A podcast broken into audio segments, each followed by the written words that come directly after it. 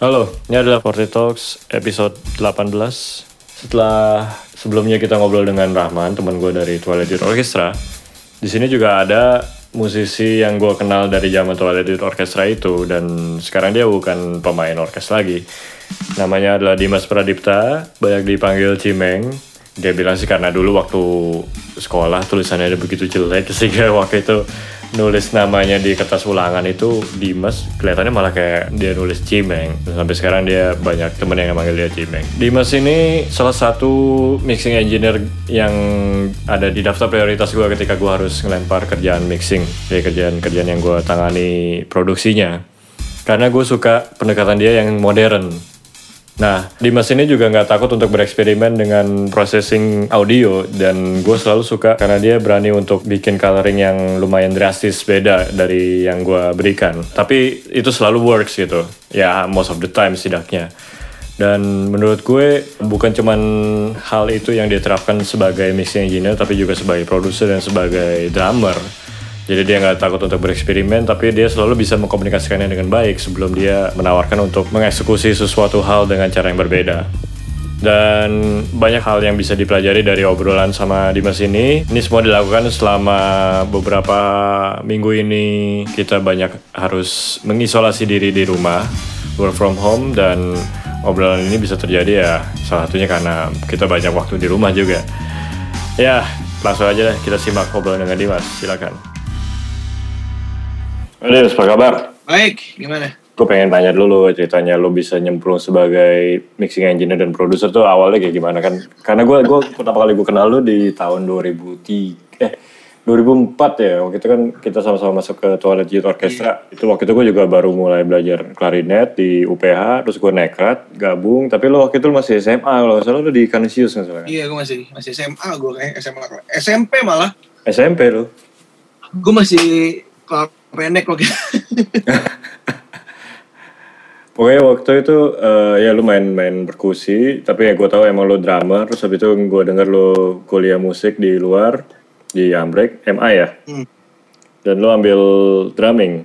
Yo, iya betul.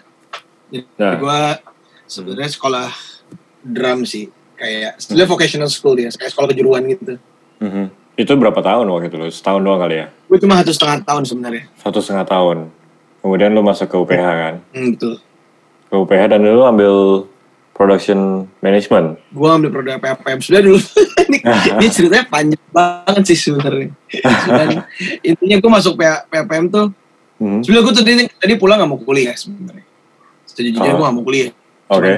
Uh, setelah ngobrol-ngobrol-ngobrol, ah gue pengen punya degree ya gitu. Terus kayak akhirnya gue gue akhirnya gue menetapkan diri gue gue pengen kuliah. Jadi bahkan dulu maksudnya gue bapak gue aja lu masuk kuliah ngapain cari duit aja? Gitu. Lu udah bisa kerja hmm. iya sih. Cuma gue pengen kuliah gitu kan. Oh udah deh. Yaudah kalau mau kuliah lu selesaiin. Akhirnya udah gue kuliah gue selesaiin. Dan waktu itu gue tanya kan something yang gue belum pernah belajar dan uh, cepat apa? Hmm. kayak ada pilihan performance pasti performance lagi itu yang lain gue nggak waktu itu belum tertarik sih akhirnya.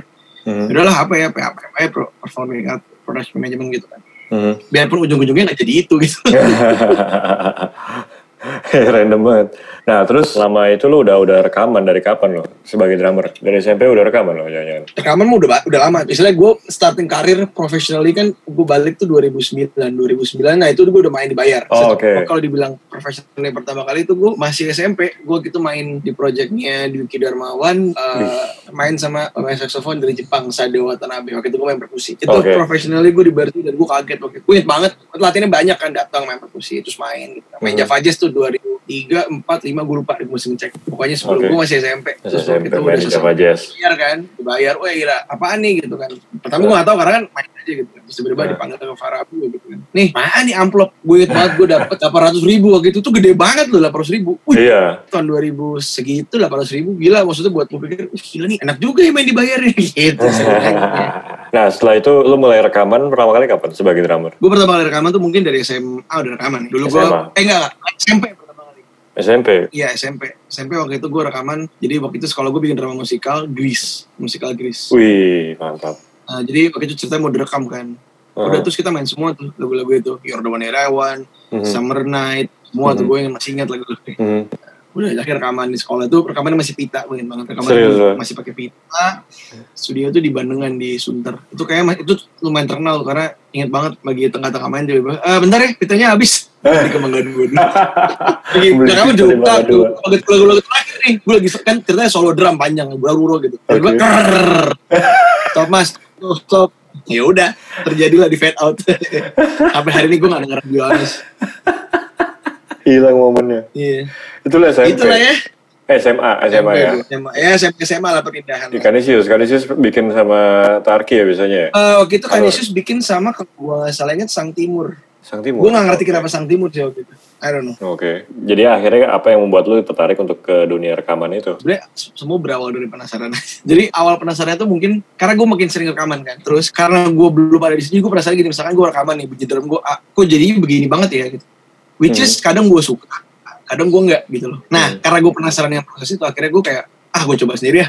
Hmm. tuh awal kayak kenapa ya kok bisa jadi kayak gini? Gitu loh maksudnya apa yang membedakan? Maksudnya ternyata kan much more kompleks proses kan? Mhm, betul. itu tuh kayak udah ibaratnya kalau misalkan kayak lo bertanya end result padahal lo cuman baru ngerti ide doang gitu loh. Hmm. kenapa gini ya? Nah akhirnya udah tuh ternyata waktu dari situ penasaran itu akhirnya panjang semuanya. Jadi oh ternyata tuh ada yang namanya mixing mixing mastering. Apa sih perbedaan tiga tiganya nah udah tuh. Semua kan berawalnya dari penasaran akhirnya lo bisa lo gali gali gali ya udah. And here I am 10 years later. Mhm. Ten years later. Berarti awalnya itu Iya. awalnya yang lu penasaran itu lebih ke sound drum dulu atau kemudian gue jujur aja nggak gue nggak kayak gue nyat nyata ya mungkin gini kali gue sebagai pemain drum yang gue perhatiin pasti soal drum dong karena buat gue kalau gue denger rekaman kalau semuanya bagus tapi drumnya culun buat gue Hmm. culun aja Hmm, betul. kalau lagu bread and butter kayak kalau lu denger kick sama snare itu nggak sesuai dengan ekspektasi lagunya ya. Mhm. misalkan nggak enak tuh kayak aduh kok nggak nggak apa ya kayak kok gini sih? Gitu loh gue berasa gitu. Kayak lu mau taruh vokal terbagus cuman kalau drumnya weak cuman meh aja gitu kayak oh ya udah Hmm. bagus. Gitu. Cuman kalau misalkan yang lainnya biasa aja bunyi tapi kalau drumnya menurut gue kayak nggak tahu ya rhythm section kali ya. Bass Hmm. drumnya tuh kawin bener-bener ngegelu banget terus sesuai dengan genrenya gitu kan. Misalnya kayak kalau lu bicara rock ya dia nonjok. Kalau misalkan lu main pop yang ballad dia ada di situ tuh buat gue Hmm. ngerubah segalanya kayaknya Hmm. udahlah gue cuma bercita-cita gue bisa gue pengen rekaman drum gue pengen punya studio drum yang proper Oke. di salah tuh di situ ternyata never ending story Oh Karena, iya, iya, ya, iya. maksud gue kata proper ya lu harus punya semua kan maksud gue gue pengen punya ruangan punya gue bisa menghasilkan suara drum yang istilahnya standar industri Hmm. kelas industri itu seperti apa ya udah tuh di situ tuh welcome semuanya dihabiskan Iya, soalnya drum itu yang megang denyutnya suatu lagu sih. Ya, makanya dia Iya. pemilihan sound si snare-nya kayak apa, kick-nya kayak apa itu harus benar-benar pas banget dari awal gitu. Nggak bisa cuma sekedar ya udah pokoknya rekaman yang ada apa, terus ntar diakalin di mixing gitu. Ya mungkin in a certain extent bisa, cuman kalau mau ngasih yang maksimal ya mendingan dari dari rekaman juga maksimal. Ah, betul. Menurut gue lu nggak bisa cheat proses recording sih, in my opinion. Your end result tuh is only as good as the recording buat gue. Karena that's itu udah barang mentah lo. Maksudnya lu bisa tipu dengan sample, dengan EQ, dengan mixing, whatever. Kita bicara source, sama kita bicara inspiration. Kenapa? Kalau misalkan lu di, sebagai siapa pun mixing engineer dikasih source yang bagus banget, Mhm. lu pasti inspire untuk membuat something yang kayak, wah gue bisa bikin gini nih gitu. Sesuai dengan visi mix engineer nanti ya. Tapi kalau misalkan lu terima data, aduh udah tipis banget kayak, even though lu bisa bikin hal yang sama secara visi, cuman lu nggak bakal bisa dapat inspiration yang sama, lu nggak bakal bisa dapat feedback yang sama gitu. Karena kan mixing engineer, masa engineer gitu, lo produser itu, lu sebenarnya artis gitu kan. You're, uh, Hmm. Kalau bicara mixing ya, lu sebagai artis, lu punya visi terhadap sebuah lagu dari yang lu dikasih dari seorang arranger atau produser, lu menggunakan semua technical aspek yang ada di ya, maksudnya lu bicara EQ, compression, whatever, supaya jadi sebuah art gitu. Artinya apa? Hmm. Musik, musik balance yang didengar yang bisa dinikmati semua orang gitu. Mhm. Kalau lu put aside technical side-nya, ya lu harus sebagai mixing, jadi lu harus punya visi kan. Betul. Visi itu sangat ditentukan oleh buat gue yang datang. Kayak ibarat lu painter, kalau lu painter, lu punya kanvas bolong, lu cuma dikasih palet warna tiga, ya lu bisa bikin tiga warna. Tapi kalau misalnya nih. Hmm. gue punya warna lebih, please, lu gabungin lah. Lu kan makin banyak tuh. Mhm. Buat gue sih sama aja kayak gitu sih, kayak waktu lu present lu satu, banyak. "Wah, ini bisa kayak gini nih. Mhm. Nah, lu bisa jadi apa itu buat gue proses lu sebagai artis ya. Lu bisa dengar siapa, lu inspire by apa. Mhm. Apa yang lu denger, apa yang lu gunakan, apa yang lu lagi rasakan itu ngaruh menurut gue. Kayak performance saya sih buat lu mixing hari ini sama besok kalau misalkan kuping lu lagi gimana beda. Gimana misalkan lu lagi seminggu itu lagi ngerjain musik yang sifatnya hip hop, pencok kicknya semua. Habis itu Hmm. dikasih ballad, percuma gue kick lu jadi kenceng banget pasti. Ngaruh sih. Itu maksudnya buat gue kayak psychological banget ya. Lu nggak bisa langsung ganti. lu masih kayak terbiasa dengan something yang tamping di chest lo gitu yang something yang yang ada impactnya terus tiba-tiba something yang soft lu pasti berasa kayak aduh nah kayak ada gitunya kan maksud gue ya condition itu yang ah, itu membuat gue ya itu create kita sebagai artis sih menurut gue artis Hmm. in general ya maksudnya lu buat karya gitu. Iya sih, kita emang sebagai musisi, lalu sebagai produser, sebagai engineer itu masing-masing berkarya dengan tools yang beda-beda gitu. Dengan limitation maupun ya amunisi yang ada gitu. Hah? Iya sih, apa lu mau misalnya dikasih, gue pengen soundnya kayak gini nih, dikasih referensi gitu. Terus lu pikir, gue bisa bikin yang kayak gini nih. Mungkin agak beda dikit, ngetes nih kira-kira dia bakal suka atau enggak, kayak gitu. Tapi da- setidaknya dari lu sendiri, lu mesti ngerasa inspired untuk lu ngerjain itu, excited. Walaupun mungkin belum tentu itu necessarily sesuai dengan visi awalnya si artisnya atau si produsernya. Tapi itu udah sesuatu dulu, setidaknya itu exciting dulu kan. Menurut lu sampai seberapa jauh lu bisa ngebawa personal taste lu ke terhadap lagu yang lu mixing? kalau gue ngeliatnya gini kalau misalkan lu dipilih seseorang untuk mixing Hmm. nih gue punya lagu rekaman lu kasih berarti dari first intentionnya adalah menurut gue produser atau artisnya suka dengan apa yang lo bikin. Mhm, nah tapi yang menurut gue penting juga adalah artis ini produser ini punya visi. Mhm, menurut gue lu sebagai mix engineer harus nge-serve pertama kali adalah visi mereka gitu. Mhm, ibaratnya simple reverb gue pengen kering tapi padahal lu suka something yang kayak lebih spacey gitu mhm. kalau lu paksain taste lu spacey karena lu mungkin dengan biasa grow up di 90 di mana reverb overuse gitu sedangkan anak ini artisnya tahun 2016 di mana reverb itu cuma jadi embellishment mungkin taste lu bagus ngerti kan Hmm. cuman kalau visi nggak sesuai ya buat gue Nggak works aja. ya lu nggak lu nggak works aja dalam arti lu nggak karena kan lu di hire ngerti kan Hmm. kecuali dia bilang gitu kan nih gue punya lagu lu kerjain sesuka lu nah di situ your taste comes, comes play itu lu punya ruang eksperimen banyak. Tapi kalau misalkan lu di hire nih gue pengen jelasin kayak gini gue punya referensi kira-kira kayak gini nah menurut gue lu bisa terima oke gue ya oke dia mau kayak gini mungkin gue bisa put something yang lebih berbeda gue bisa kasih sesuatu yang ini tes gue nih. Karena menurut gue dari mulai cara lu kerja aja tuh udah lu punya workflow tersendiri even lu di present dengan something yang sama dia bakal kamu agak beda menurut Hmm. gue ya. Mhm, karena ya itu palette aja lah ada orang yang senang gambar pakai fine pencil ada yang senang lebih tebel dikit. Tapi ada yang bisa bikin fine dari pensil tebel. Misalkan dia cuma halus kayak gitu kan. Maksudnya kayak banyak cara untuk bisa menghasilkan sesuatu gitu loh. Menurut gue itu udah mau ngebedain gitu. Cuman kalau gue di hire ya gue bakal ngasih sesuatu yang klien suka. Karena Indian kan bukan buat gue. Betul. Indian dia harus percaya dengan musiknya gitu loh. Even gue nggak suka tapi kalau dia yakin energi bisa sampai. Hmm. lain kalau misalkan gue suka banget tapi artisnya aduh nggak deh gue nggak suka. Nah Hmm. itu bakal beda kalau gitu menurut gue gue jadi sombong Ya, ya, ya. ya. karena gue gue sebagai orang yang enggak enggak kalau gini nggak enak nggak bisa gitu menurut gue lu bisa kasih opinion gitu. Misalkan kayak menurut gue jangan segede gini nih karena gini gini karena biasanya kalau misalkan kita bicara balance misalkan dia denger tempat gue nih kurang gede bisa gue bilang gede banget ternyata Iya. dia denger oh iya gede gue bisa gue gue bakal ngasih tau itu. Misalkan kalau menurut gue segini misalkan segini udah cukup nih. Kalau lo mau lebih bright soalnya segini. Kalau misalkan lo mau lebih bass lebih gede kalau lu hajar segede gini speaker gue bisa akomodit tapi kalau lo hajar speaker kecil lu nggak ada gunanya. Misalkan TV nanti jadi pecah kayak gitu kan. Hmm, betul. itu kan gue ngasih ngasih kayak info Mhm. sebelum terjadi karena gue udah sering melakukan ini gue kasih tahu. Tapi kalau misalnya atas bilang gue pengen gede banget. Yakin ya? Yakin? Ya udah bodo amat. Gue kerjain. Karena gue yakin itu tanggung jawab dia gitu. Gue cuma bisa ngasih opini misalkan. Karena dia yang bayar gue kan? Hmm, hmm. ibaratnya lu datang ke restoran menurut gue lu datang ke restoran fine dining Eh, terus lu bayar gitu. Ini menunya seperti ini lu bayar menunya gitu. Oke datang. Terus menu, yang datang menunya nggak nggak kita lagi mau ganti. Loh kan mau makan yang itu kenapa lo kasih ini? Sedangkan udah tertera ini harusnya kayak gini eh, Iya, benar. menurut gue gue masih ngelihat kayak apa ya kayak lu harus serve musiknya gitu loh. Even lu nggak suka tapi kalau kliennya suka ya lu bakal ngasih energi gitu. kayak lu nggak bakal ngasih apa ya confidence ke dia. Waktu confidence itu nyampe ke orang lain orang denger karyanya sebagai pendengar lu cuma perlu tahu artisnya buat gue Eh, orang di gimana? belakang layar itu yang tahu misalkan oh, gua nih. Iya. Hmm, ngerti kan artisnya fans itu cuma tahu gila nih musiknya keren banget mhm. gue suka nih gitu. yang bakal nge-hire lo menurut gue bukan orang-orang yang Yang Dengar. dengerin. yang Hmm. bakal itu orang-orang yang maksudnya orang-orang yang di lingkungan itu kan Hmm. Ya pekerja musik juga Kan gitu ya. nggak mungkin tiba-tiba ada orang yang nah itu kan. Maksudnya kalau gue bilangnya ada listener pendengar yang benar-benar musik denger musiknya nggak peduli siapa yang ngerjain pokoknya dilihat artisnya. Mhm, sama ada yang observer. Kalau observer tuh orang siapa sih nih main ini? Mhm, mhm. kalau observer biasanya nanti dia bakal wah ini kalau dia bisa kadang-kadang wah nih kalau artis ini bisa ngerjain ini nih. Ini sound sound begini ini kayaknya dia nih karena stylistically kan. Mhm, mhm. kayak misalkan gue suka denger lagu baru ini kayak mixing ini kalau dari soundnya mungkin cara stylistically ini yang mesti mungkin ya orang ini ini karena kan lama-lama tandem kan biasa Iya betul. kayak lu biasa mendengar oh ini ini dari Maserati nih, eh, ini oh ini Saban Jenia, oh ini Siapa yang ini ya? mereknya. Nah kayak gitu kan kayak kayak punya karakter gitu.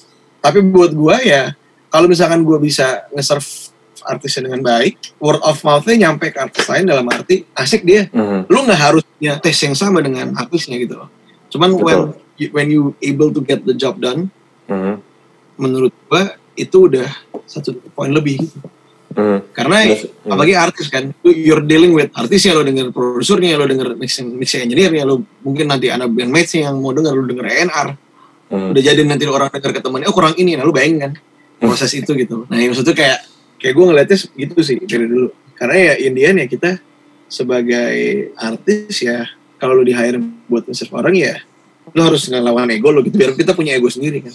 Ya menurut gue Wah, sih seperti yang lo bilang tadi, yang penting adalah komunikasinya gitu. Lo kasih tahu akan ada konsekuensi kalau dari dengan pilihan-pilihan yang dia mau ambil, apakah entah itu baik atau buruk, tapi ya udah disampaikan dulu. Tapi emang emang itu sih apa tricky banget, apalagi kalau mixingnya itu online. Ya kirim-kiriman data doang gitu. Deh gue bikin kayak gini, oh minta revisi. Ya kayak gitulah biasa. Yang mana masalah itu sebenarnya diminimalisir banget kalau misalnya bisa datang gitu ke untuk sesi Iya. mixing gitu kan. Itu akan mengurangi jauh arus informasi yang harus di tektokin gitu dalam dalam rentang beberapa hari atau beberapa minggu. Karena langsung pokoknya sehari itu harus kelar gitu. Ya ada plus Itu minusnya sih. sih ya. Iya betul. Itu enaknya misalnya gini gue gue suka kalau misalkan present tapi kalau datang Hmm. 50% pasti ada perubahan lagi. Hmm. Perubahannya gini, lu nggak apal environment yang gue dengerin, lu nggak apal pasti gue gimana. Jadi ini yang gue coba ubah beberapa tahun terakhir, gue kayak gue mau datang nggak usah gue bilang. Lu gak bakal pas pikir gue, percaya sama gue. Lu gak bakal tahu karena ruangan gue tuh di taste. Ibaratnya either orang itu taruh di situ terus dia denger diapalin, Mhm. atau lu ada orang kayak gue yang nge-tune speakernya berdasarkan posisi duduk dan taste gue. Mhm. Bisa aja gue gak seneng bass misalkan. Mhm. Jadi bass terbesar gue gue kecilin. Tapi kalau dia denger dia suka bass, dia bakal ngerasa bassnya kurang gede. Apa yang terjadi? Digedein kan? Mhm. Sebenarnya itu gede banget. Kayak gitu-gitu loh. Nah jadi makanya gue selama ini biasanya kalau misalkan emang harus keluar cepat, lu online sama gue. Lu Hmm. denger di environment yang lu nyaman banget, kita bisa Hmm. komunikasi, udah tuh. Chances terjadi revisi tuh kecil, kenapa? Dia udah yakin dengernya. Paling revisi cuman gini, weh ketinggalan nih kayaknya nih, gue ini nih gitu. Nggak ada yang tiba-tiba, wah ini jauh banget ini gede banget tuh jarang biasanya. Oh iya iya benar. Jarang, jarang banget. Maksud gue lebih lebih kayak perintilan yang tadi itu sih. Oh ini kelupaan, ini Hmm. juga, terus ini ini belum dibahas. Ya kalau misalnya kayak gue udah makin banyak yang gue mixing sama lu, gue udah makin kenal gaya lu dan lu makin kenal apa yang gue butuhkan gitu kan. Kayak mixing ngerti. seperti apa yang kira-kira akan akan serve untuk kebutuhan gue gitu. Udah bisa nebak gitu. Jadi tanpa harus ketemu Jadi kayak juga. ya lu sebenarnya cocok-cocokan kayak lo main sih ya menurut gue. Kayak gimana? Kayak misalkan lu mau hire player, itu Mhm. pasti kan cari yang cocok. Oh oke, iya secara, betul. secara permainan. Mhm. Buat gue, kalau misalkan mixing lu ganti, lu cocok personal, permainannya lu ganti dengan taste mixing ya. Hmm, hmm. Kalau cocok, udah cocok aja gitu. Misalkan ada misalkan ada beberapa orang yang gue sampai hari ini revisi itu jarang banget. Biasanya cuman kayak, menurut lu gini nggak? Nah, dia lebih nanya sama gue gitu. Hmm. Atau kecuali misalkan kayak, wah ini gue nggak, kayaknya ini panjangan potong deh gitu. Jarang banget kayak misalkan way too far jauh banget jarang. Hmm. Karena apalagi misalkan gue di situ dari awal udah ngerjain musik ya, Hmm. jarang banget pasti ada revisi jarang banget paling revisi cuman wah ini vokalnya menurut lo mendingan di tune ya bagian sini? Lebih gitu. Nggak ada yang kayak misalkan reverb kurang gede pas taruh delay. Nah, itu nggak pernah. Jadi kayak udah jadi gitu. Kayak misalkan lebih kayak oh ini anak-anak pengen lebih reverb di sini lebih maju di sini. Kalau yang udah kalau yang udah udah tahu ya jadi gue udah bisa anticipate ini ini kayaknya kalau misalkan revisi maunya mungkin begini atau misalkan begini. Jarang tuh kayak misalkan jauh banget dari apa yang mereka mau gitu. Jarang. Betul, betul. Udah kenal. Oke, nah lu kan sebagai drummer itu pasti ada pengaruhnya lu punya perspektif yang spesifik ketika lu ngambil keputusan sebagai mixing engineer ataupun sebagai produser. Nah, yang paling banyak tuh apa aja, Den? kalau misalkan gue harus Ya misalnya kayak tadi, yang tadi yang lu udah sempet sebutin sih, karena lu sebagai drummer lu pengen bikin mixingan atau bikin musik sebagai produser tuh yang yang denyut drumnya dan sound drumnya tuh pas gitu. Berarti- Tapi apa lagi selain itu? kalau gue siapa starnya sih kalau menurut gue di Hmm. end every song yang every production lu harus tahu starnya siapa Mhm. kalau misalkan ini album vokalis tapi yang dominan drumnya yang bagus drum yang vokalnya kedengeran kan Hmm. lu udah los udah song kalah tuh ibaratnya gitu. Betul. kayak menurut gue lu misalkan ngerjain produser lu harus tahu benang merah itu seperti apa misalnya gini lu mikir sebagai drummer lu mikir sebagai mix engineer sebagai produser menurut gue itu kayak switch gear sih Mhm. kalau misalkan lu di hire sebagai drummer Mhm. gue bakal mikir sebagai drummer tapi karena gue misalkan gue punya basic sebagai produser gue bisa memberikan ide misalkan kayak gini misalkan produsernya bukan drummer nih Mhm. dia cuma bilang ini gue pengen gini nih karena gue ngerti drumming gue bilang ini beat lu nggak mungkin kalau misalkan dimakin sama satu orang karena ini Hmm. nggak masuk akal Mhm. tapi karena gue produksi lu bisa kayak gini ngerti kan Mhm. Mhm. kalau misalkan orang itu nggak bisa misalnya nggak bisa bikin dia pasti memaksakan dan bisa aja jadi cuman mungkin karena gue ngerti misalkan gini kalau misalkan gue bikin drum pattern seperti ini nanti produser ngebalas bisa gini mixing engineer bisa bikin gini. Hmm. itu menurut gue ngebuka possibilities lebih banyak untuk gue bisa mempermudah siapa pun. Misalkan gue bikin pattern yang banyak floor tomnya misalkan. Mhm. lu mau efeknya seperti apa? Misalkan lu mau efeknya gede misalkan. Ya buat gue kurangin mungkin lu lu nggak butuh channel floor tomnya diduplikat sebanyak itu lo taking. Tapi mungkin misalkan lu take dua kali isinya overhead sama floor tom sisanya mungkin lu overhead aja. Kenapa? Karena overhead ngasih overhead karena dia jauh ngasihnya lebih gede. Lu jadi Hmm. ngasih reverb. Tapi kalau kalau reverb ya awur-awuran. Karena di sini low, low end semua. Kayak gitu-gitu Iya, kan? Benar-benar. itu buat gue membantu.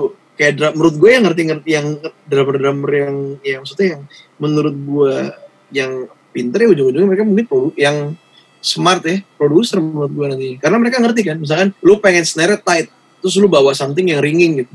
Terus Hmm. udah pasti mixing aja itu, itu gila tuh menurut gue kalau misalkan pengen tight ya misalkan taruh dompet kayak lu taruh head di atasnya lagi lo duct tape nah itu Hmm. kan maksudnya lu bisa bilang lu mau kayak gini ya nah tapi lu waktu komit ke sini lu jangan harap bisa di sustain panjang ngerti kan? Hmm, kayak gitu gitu hmm. loh Mhm. itu menurut gue kayak lu harus switch gear tapi pengetahuan lu sebagai mixing engineer sebagai drummer itu membantu membantu lu untuk mempercepat prosesnya sih kayak menurut gue Oh, oke. the reason you hire professionals karena kenapa mereka ngerti Hmm. kalau orang lain bisa melakukan sama bisa cuma mungkin ya profesional mereka tahu kalau kayak gini ya seperti gini kalau gue taruh drum sejauh ini kira-kira bunyi gini kalau gue pakai snare ini kena mic ini bunyi gini misalkan nah kayak gitu-gitu placement lu mau kayak apa maksud maksud gue sebagai artis kan apa ya lu harus punya menurut gue kayak perfect lu harus punya sense of perfection sedikit kenapa karena kalau misalkan lu nggak punya sense of itu kayak lu ibaratnya nggak gue mau gini gitu lu nggak lu bakal iya iya aja Hmm, hmm. Lu Iya, nggak lu bakal kasih kayak- feedback ini nggak. akan jadi ke. Iya lu kayak konsekuensinya. nggak punya kayak kenapa nggak coba gini deh, coba gini deh. Kalau misalkan dia udah suka enak ya udah. Misalkan lu punya ide, kalau misalkan gini gimana? Oh nggak enak ya udah nggak usah. Maksudnya Hmm. nggak apa-apa ini lo ditolak, tapi maksud gua lu bisa bring something to the table yang misalkan kayak oh lu perbedaannya anak ini misalkan dia ngerti ini nih, dia tahu nih, lu bisa pakai misalkan Hmm. rekaman lu mau kayak soalnya kayak gini oke ini pakai frame ini ini ini ini channel ini, ini itu kan ngebantu banget Hmm. kalau misalkan kayak lu mau kayak gini misalnya oh snare pakai ini nih drumnya pakai ini lu udah ngebantu juga misalkan gue misalnya kayak gini wah gimana ya lama tuh rekornya gitu Iya pasti. kayak gitulah menurut gue Nah berarti kalau buat lu sendiri nih, musik apa yang menurut lu asik dan parameter apa aja yang penting buat lu dalam bikin musik lah gitu. parameter asik bukan gila nih Yang penting musik tuh harus ada apanya gitu. kayak musik tuh gini ya kalau kalau lu put aside technicality ya menurut gue Hmm. lu cuma suka dan nggak suka enak dan Hmm. gak enak Betul. karena ya kalau lu suka lu enak kalau enggak ya mungkin lu gak cocok Mhm. nah, ada yang gak suka aduh gue gak suka jenis jenis genre tertentu gitu cuma lu gak bisa bilang dia gak bagus secara Hmm. Betul. produksi ngerti kan Betul betul. menurut gue ya itu selera sih lu lu nggak bisa bilang gue nggak pernah misalnya gue nggak bisa bilang one is better than another it's just another form of art. Nah, cuman kalau misalkan lu Hmm. buat parameter maksudnya kayak musik bisa dinikmatin ya satu menurut gue lagu tuh punya power sendiri sih ya Hmm. berarti gini kalau lu lepas rekamannya jelek apa enggak tapi kalau gue bagus orang dengerin aja Oke. satu lu culun seculun culunnya tapi kalau lagunya enak orang nggak nyanyi juga Benar. iya kan lu Nah. bisa nggak suka sama produksinya tapi kalau misalkan itu works buat orang-orang yang dengerin dan laku ya laku Berarti performance-nya itu sendiri. buat gue sih ya performance dan lagu itu sendiri kayak Hmm. apa ya Ya kayak ada Ya, misalnya- someone like you gitu, dia performance-nya tuh sebenarnya agak banyak gitu pitching-nya, tapi gue ya misalkan gak kayak pernah misalkan, dari- misalkan lagu ini deh lagu Lalu dia bisa deliver nyanyinya. Na, na, na, na, na, na, na, Ami, na, na, na, na, na. Oh, Adele. Lu ah, kalau denger belakang itu itu compressionnya udah kayak ngompres kick drum. Wah, gue gak suka banget sih be honest. hmm, Maksudnya kalau gue sebagai yang stage gue, aduh gue nih kenapa kencang banget sih compressionnya. Cuman lagunya bagus banget. betul. Orang waktu lagu bagus emang orang merhatiin itu enggak kan? Enggak. Sama yang merhatiin itu kan istilahnya creator, producer. Eh, orang-orang something produksi. ibaratnya kalau gue gue sebagai pemakai handphone ya gue cuma pakai doang orang bikin handphone dia ngeliat ini kenapa dia pakai kamera ini sih nah gitu Hmm, ngerti kan hmm, hmm, kalau buat gue this camera works it's good. Hmm, nah itu. Maksud gue gini kalau gue mikir kadang-kadang sebagai produser gue harus lihat itu juga. Karena misalkan kayak ya gue bisa bikin yang oke ini kurang perfect nih. Wah ini kurang. Kalau tapi kalau misalkan menurut gue feel udah enak I don't care sih. Betul. ah nggak apa-apa. Enak. Gitu. kalau gue masih gitu orangnya. Maksudnya menurut gue that small imperfection tuh yang bikin justru jadi ada nyawanya gitu. Kalau misalnya perfect banget tuh caranya midi nggak ada salah gitu.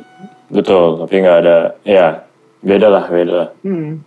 Kayak nggak ada nggak ada soulnya gitu. Lu bisa bikin midi sebagus mungkin cuman tetap sih tiny details perbedaan tangan manusia placementnya tone-nya. Itu yang menurut gue bikin kayak something. Lu bisa denger ini dimainin sama orang nih. Hmm. Mhm. Nah, ini kan gue gue banyak beberapa kali denger lagu-lagu yang lo rilis di YouTube, di album, di Spotify, yang waktu zaman TND itu juga. Dari zaman itulah gitu. Sampai yang terakhir. Apa iya three days before. Three days ago, Three days before. three days before. Soalnya Nah. gue bikin lagu tiga days before rekaman apa three days before aja udah bodo amat Nah, lu waktu bikin, ya setiap kali lu bikin musik lu sendiri itu gimana sih cara lu bikinnya? Apakah dari dimulai dari groove-nya dulu atau atau apa? gue terinspire beda-beda sih kayak misalkan lagu gue yang Max yang terakhir tuh yang Hmm, eh, sebelum ya itu literally emang gak ada geranjing gue Hmm. Jadi waktu di Tio tuh kan dibangun terus setiap malam kan. Wow, wow, wow gitu. Jadi setiap kali dibangun tuh gue denger baseline Toredo, tot, tot, kayak lagu-lagu detektif lucu konyol gitu loh. Literally kayak gitu. Kayak ada gitu kan. Gue kebayang ada Toredo, tot, tot. Gue kadang-kadang tuh kalau tulisan gue catet Toredo, tot, tot. Dari situ ah gue pun bikin lah gitu kan. Toredo, tot, tot. Gue bikin drum, gue masukin drumnya di MIDI gitu. Terus gue bikin melodi kali ya. Toredo, det, tet, tet, tet. Itu kalau gue konyol banget sebenernya. Lu Hmm. bercandaan gitu. Hmm. buat gue kayak kalau misalkan lagu bercandaan pun kalau lu package dengan keren ya keren aja buat gue Betul, betul. kayak gue bilangnya good cheesy gitu Nah, berarti yang bikin keren tuh apanya menurut lu?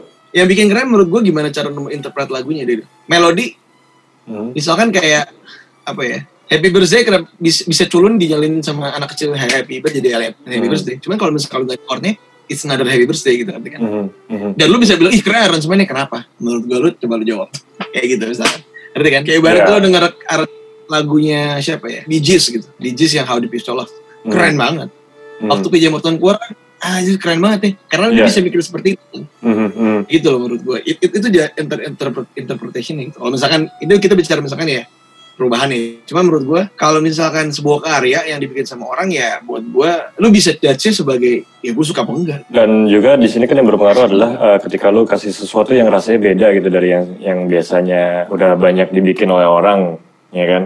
Iya. Dan itu satu. tapi kalau lo bilang gini ya kadang-kadang gue yakin sih nggak tahu. Kalau gue nggak tahu ya. Karena gue mungkin itu semua di kepala gue kan buat gue hmm, gue nggak pernah ngerasa itu beda dalam arti ya gue cuman cari something yang menurut gue di kepala gue dan ini kayaknya asik nih gitu. Karena buat gue gitu. Maksudnya kan kayak lo harus mencari sound lo sendiri. Tapi Hmm. buat gue bukan berarti lo tidak melakukan something yang orang yang lakukan secara harfiah seperti kan misalkan orang seneng misalkan kayak ya ada beberapa klise dalam musik misalnya fill in drum yang seperti apa gitu kan itu sering Iya. banget dilakukan. Tapi emang Iya, alasannya kenapa itu di, sering dipakai orang gitu. iya lo bukan bukan lo kayak void ah jangan gitu jangan gitu gue gak mau sama ya lo bisa aja lakuin itu kan cuman Mhm, lu membuat lagu cuma berdasarkan gue gak mau sama sama orang atau emang Mhm. something yang lu bikin dari hati lo gitu loh Nah itu dia keseimbangannya ada di mana gitu kan? iya karena ya menurut gue ya lu you're creating a product that Mhm. through art gitu. Maksudnya lu nggak bikin kayak produk yang lu bisa hitung secara matematika menurut gue nggak bisa sih. Kalau begitu berarti lagu-lagu yang cuma isi gitar sama piano lu bisa bilang itu jelek. Karena eh cuma gitar sama piano git- gitar doang nih apa apaan nih? Mhm, sedangkan kan enggak kan? Mhm. lu nggak bisa lu bisa gitu lu bisa lagu yang yang cuman vokal dan gitar bisa sepowerful misalkan kayak lagu-lagu isi orkestra gede. Hmm. Ya, kayak gitu kan lu bisa tempel di sama. Atau ibaratnya lagu bisa naik kelas dari seseorang yang mungkin nyanyi bukan secara teknikal kayak Johnny Mitchell. Both Sides No gitu bagus banget menurut gue Hmm, Oke. secara penyanyi mungkin bukan penyanyi yang kayak Mariah Carey yang maksudnya bukan pemain kayak Andre Bocor yang wah suara gitu. Cuman dia kan bisa ngebawain lagunya tuh se-lawless itu sampai gue tuh bisa dengerin diem. Ya mau ngapain ya?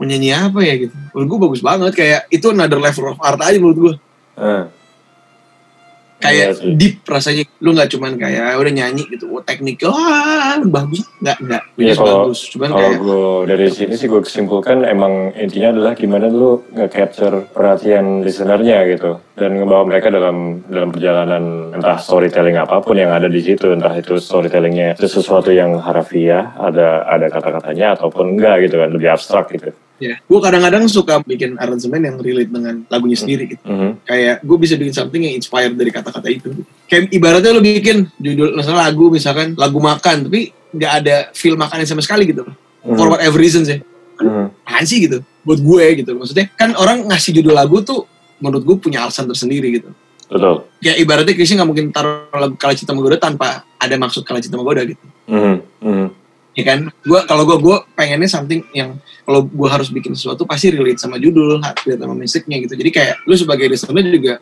waktu nikmatin tuh kayak ibaratnya kalau stop di screen deg deg deg deg deg deg ya kayak ini kereta jalan namanya gitu, kan.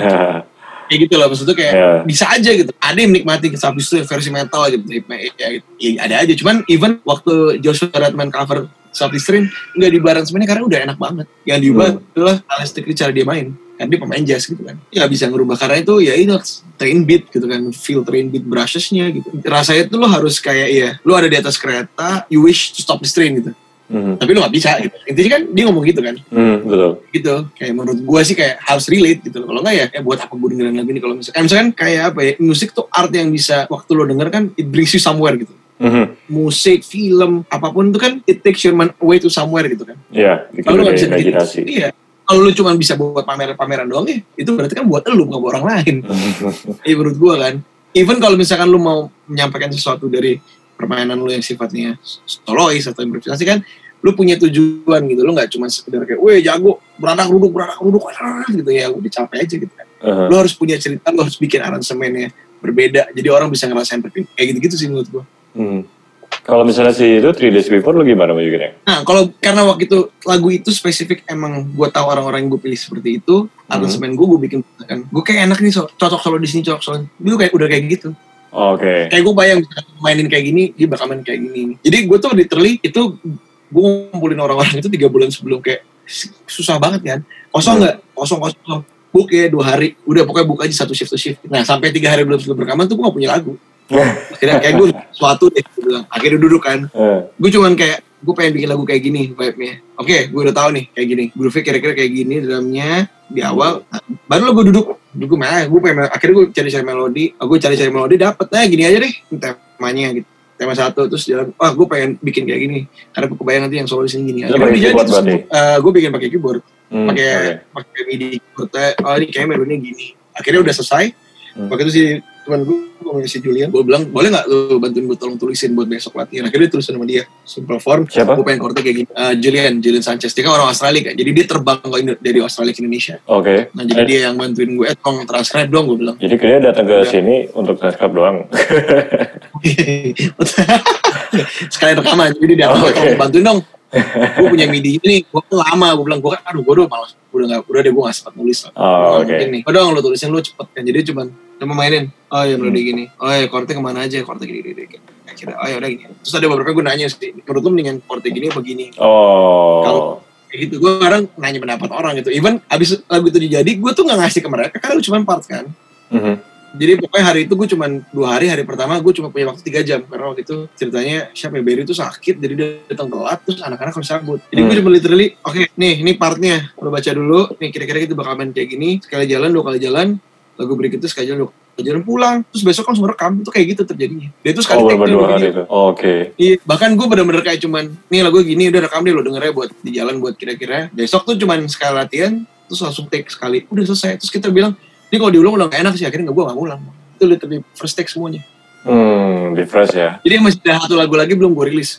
Gue nanti aja deh gue bilang gue simpen simpen Oh, Oke. Nah, berarti lu kenapa lu bikin konten-konten itu? Ya, si Max, si Days Before, terus yang ntar akan akan dirilis. Itu sebenarnya lebih ke untuk apa gitu pemikirannya? kalau untuk apa mungkin karena di situ gue bisa jujur Hmm. jadi maksudnya yang something bikin yang gue suka ya waktu gue bikin buat orang lain gue istilahnya gue mengeluarkan ide gue yang kira-kira cocok dengan Hmm. lagu mereka Surfing, iya. mereka ada yang ngasih lagu doang ada yang ngasih lagu udah jadi ada yang udah ngasih kita main kayak gini tapi gue ganti aransemennya ada yang gue Hmm. tambah tambahin ada instrumentasi misalkan ada yang kayak jadi tapi kayaknya nih kita ganti instrumennya pakai ini aja terus belakang kita kasih ganti ini aja pakai instrumen ini oh Hmm. ini lepas aja lah di belakang kayak gitu gitu loh beda job desk kan nah tapi Hmm. kalau misalkan lu bikin lagu sendiri you can do whatever you want Betul. jadi gue kayak waktu bikin Max wah gue pengen punya soli gitu kan maksudnya Hmm. kayak eh, group action gitu Mhm. nah yang nulis sih gue bilang gue pengen tapi kan ya gue bilang kalau gue nulis sebagai pemain drum sama pemain bass nulis sih beda kan makanya gue bilang tolong tulisin terserah lo mau kayak gue gak bakal ubah pokoknya yang bikin keren aja yang yang bikin solinya bass kan bass G Hmm. gue tapi gue selalu biasanya kalau misalkan bikin gue butuh fresh ear aja buat ngebantuin gue nge-produce jadi kayak co-produce gue kadang gue punya gini eh menurut lu gimana gitu karena kan kalau lu taruh orang lain kan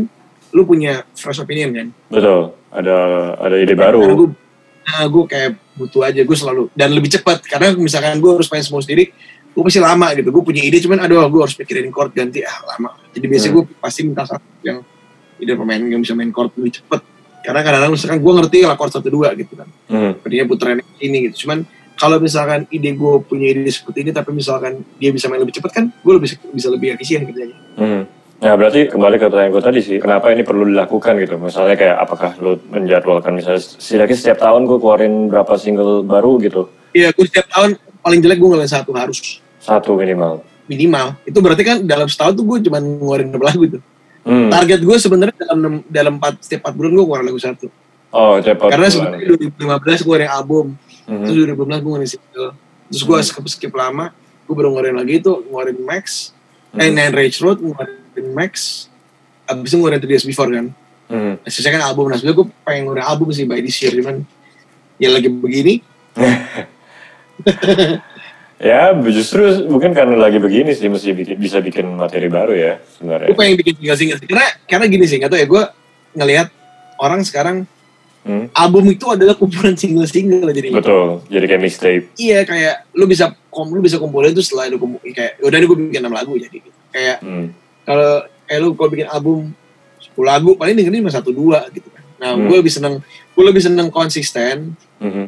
dedet-dedet ada daripada jebret gede gitu karena Hmm. dulu lu bisa jebret gede karena kan saingannya nggak banyak kan Hmm. Ya sekarang, Sekarang karena- bikin.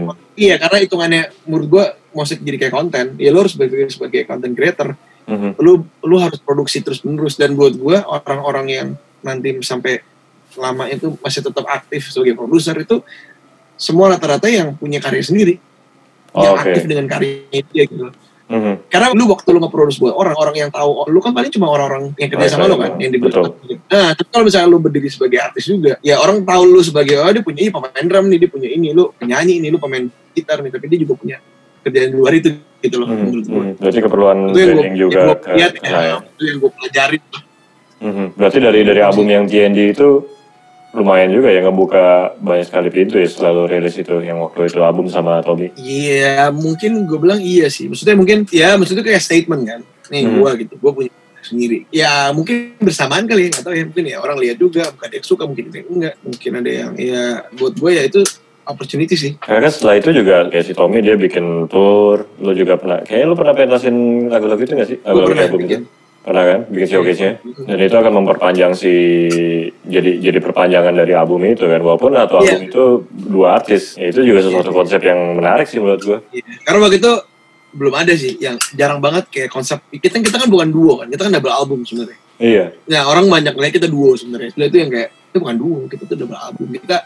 sendiri sendiri artis tetap sendiri sendiri Hmm, kolaboratif. gitu Tapi kolaboratifnya bukan bikin bareng-bareng lagunya, lagu lain tetap bikin masing-masing dia sendiri dengan karya masing-masing Ya, jadi satu sebenarnya album. kita semua tuh bikin sendiri-sendiri. Satu-satu Hmm. lagu yang kita bikin memang adalah interlude perpindahan dari album Tommy ke album gue. Oh, itu konsepnya kayak gitu. Makanya kalau perhatiin ada namanya introlude. Introlude itu sebenarnya cuma perpindahan dari lagu Tommy ke gue. Jadi intro, ya. Ah, ah.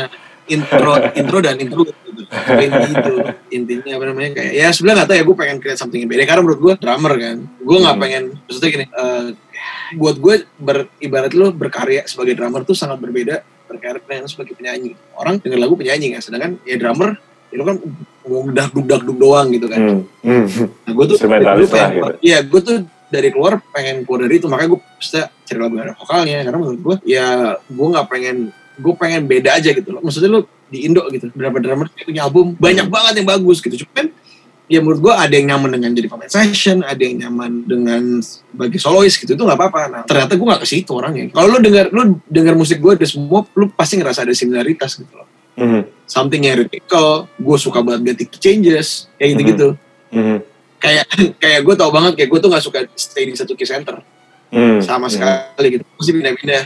Gue senang pakai, senang banget ibaratnya main parallel key gitu. Jadi dari dari C major ke C minor itu gue suka banget karena buat Hmm. gue kontras dan ya, oke sesuai sama gue orangnya bosan kayak gitu gitulah. Oh, Terus menurut gue makin banyak lo bikin karya lo ya itu tuh sebenarnya re- reflection dari diri lo gitu dan Betul. menurut gue apa yang lo rasain saat lo bikin itu ya itu menandakan musik lo saat itu misalkan Hmm. kayak apa ya, itu reflect banget sih lo nggak bisa bohongin musik lo dari personal lo gitu jadi kalau lo mau berubah ubah musik lo ubah personality lo nah cuma Hmm. permasalahannya mau nggak merubah personality lu hanya untuk merubah musik lo atau misalkan buat gue musik ini reflect dari dari gue dari diri gue sendiri kalau gue sih senang the more I self empowered myself to do better buat gue berasa musik gue juga jadi berubah menjadi yang bukan gue nggak bilang lebih bagus tapi apa ya it evolve aja gitu loh Mhm. buat gue sih gitu kayak ya soalnya artsy ya maksudnya itu karena gue misalnya gitu gue bikin musik something yang dari gue banget gitu loh gue ibaratnya men- mencoba membuat sesuatu yang gue suka yang gue yang gue bangga gitu. jadi kasarnya peduli nanti orang suka apa enggak Tapi yang penting lu sendiri, sendiri suka dulu. ya karena buat gue nanti musik apa pun lu punya market sendiri sih senish apa pun musik lu lu punya penikmat Betul, betul. Ya, you, know, you just know where to put your music ya have sama kayak personality sih. Kita personality Iya. apa, mungkin nggak akan nyambung dengan tipe-tipe orang tertentu, tapi akan nyambung dengan Dan tipe orang lainnya. maksudnya gitu. lu juga Iya bener banget dan lu kan nggak bisa ibaratnya ya gue sih nggak bisa ngejilat sih orangnya nanti kan Hmm, hmm. kalau gue nggak suka gue bakal bilang aduh gak bisa nih nggak apa-apa menurut gue ya lu kan nggak harus Nggak harus menyenangkan semua harus exactly Hmm. kalau emang aduh gue jadi cocok ya apa gitu Iya. maksudnya kalau lu emang if you if you real artist apa ya you, lu punya you're okay with that gitu ya and you respect that gitu Iya Nggak sih, apa-apa yang banget. penting lu yakin dulu dengan apa yang lu bikin, dengan Iya. yang lu suka. Ya udah lu taruh diri lu di situ dengan dengan karya lu yang merefleksikan siapa diri lu gitu ya. Iya, itu banget sih kalau gue sih. Ngerti gitu. Kayak Oke. gue gak bisa sih kayak ibaratnya wah ini lagi hits nih terus gue bikin kayak gitu nggak bisa. Ya, ya, ya. Sorry banget. wah zaman Nggak lagi juga. Tapi kalau misalkan something yang gue something yang gue suka, wah gue bisa bikin kayak gini, gue bikin. Hmm, Ngerti kan? hmm, hmm, Kayak gue ngeliatnya Pharrell deh. hmm. Lu pernah lu lihat nggak Pharrell keluar waktu dia EDM dia bikin EDM? Enggak kan? Enggak. Dia bikin Tapi begitu begitu dia R&B naik hip hop lagi, dia keluar lagi kan. Eh, Jadinya keren. eh. Nggak jadi kayak ini orang apa sih coba semua gitu. Ya dia bikin produksi buat Gitu Ariana iya. Grande itu gokil juga sih. Iya kayak misalkan waktu gue terakhir kan dia kan cepet cepet nggak kelihatan dalam arti kayak ya udah gitu kan orang ada di belakang layar terus mungkin biar Hmm. dua cuman Mhm. waktu dia came up dengan karya sendiri dia keluar happy boom Mhm. gitu maksud gue Iya. karena itu emang dia banget musiknya kalau lu dengar kayak Neptunes zaman dulu Ah ya, ya kayak itu. gitu Heeh.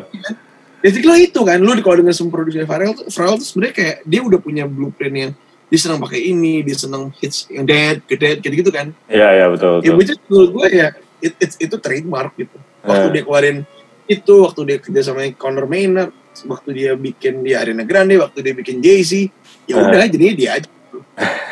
Dan dia ada di situ jadi fokus gue fokus sih jadinya.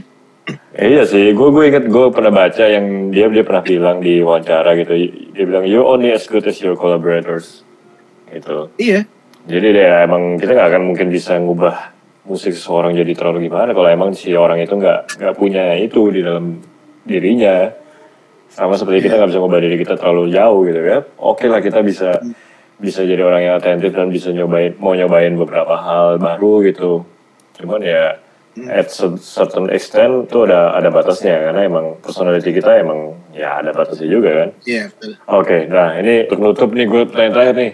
Jadi selama masa masa baca klik ini, apa aja yang lu lagi siapin nih? Karena kan beruntungnya orang-orang seperti kita di bidang produksi kita tetap bisa bikin sesuatu nih, bikin musik di luar apa entah gue nggak tahu apa lu ada masih ada kerjaan yang masih numpuk juga untuk dikerjain. ada sih dari lu nih Dia bachelor lu sama Hana.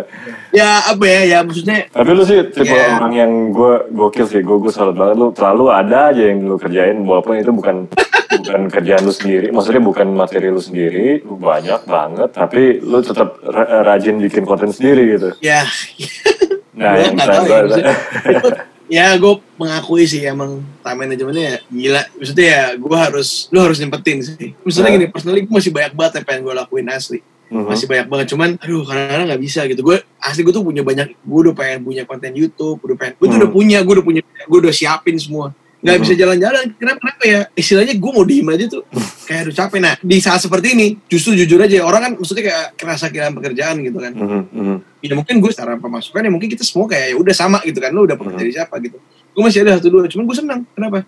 Gue bisa melakukan hal-hal yang selama ini gue bisa cuman bayangin akhirnya gue bisa lakuin semuanya. Iya, jadi punya waktunya. jadi buat gue ada ada ada ya apa ya blessing di disguise tuh gue bisa spend waktu banyak sama keluarga gue gue tuh nggak pernah nonton TV ya karena gue nggak sempet nonton TV jadi Mhm. sama liburan gue akhirnya bisa nonton TV jadi gue buat gue itu mahal banget sih. Justru bini gue bisa lihat gue diem depan TV itu diketawa. Gila lu bisa diem depan TV juga ya karena ya I spend 16 hours, 18 hours a day to work gitu, literally. Oke. Gue bangun jam 7 jam 8, ya biasa ngasih makan anak gue dulu, apa namanya, ngobrol, orang gue baca Alkitab, kalau sempat, habis itu udah, ya udah, eh, sampai jam berapa biasanya jam 11 jam 12. Nah, habis itu gue baru jam 12 misalnya break gitu. Kalau misalkan ada bisa kerja, kalau enggak ya biasanya gue duduk diem, gue baca.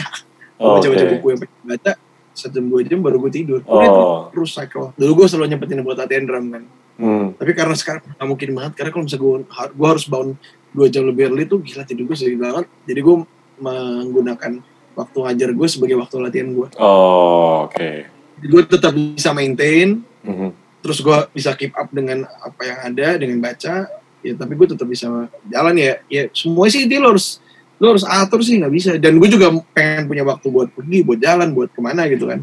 Mhm. ya buat ya itu sih maksudnya kalau gue apa ya ya lu sebagai musisi buat gue gue nggak bisa ngeliat pekerjaan gue kecil dalam arti kayak maksudnya buat gue ya sama aja kerjaan gue sama aja gue juga gue juga punya waktu gue juga gue Hmm. juga sibuk gue juga punya semuanya gitu dan gue nggak pernah kayak ya mau kita cuma musisi justru kita musisi Mhm. menurut gue ya, lu punya kelebihan gitu banyak orang menganggap kita kayak sebelah mata gitu kan Mhm.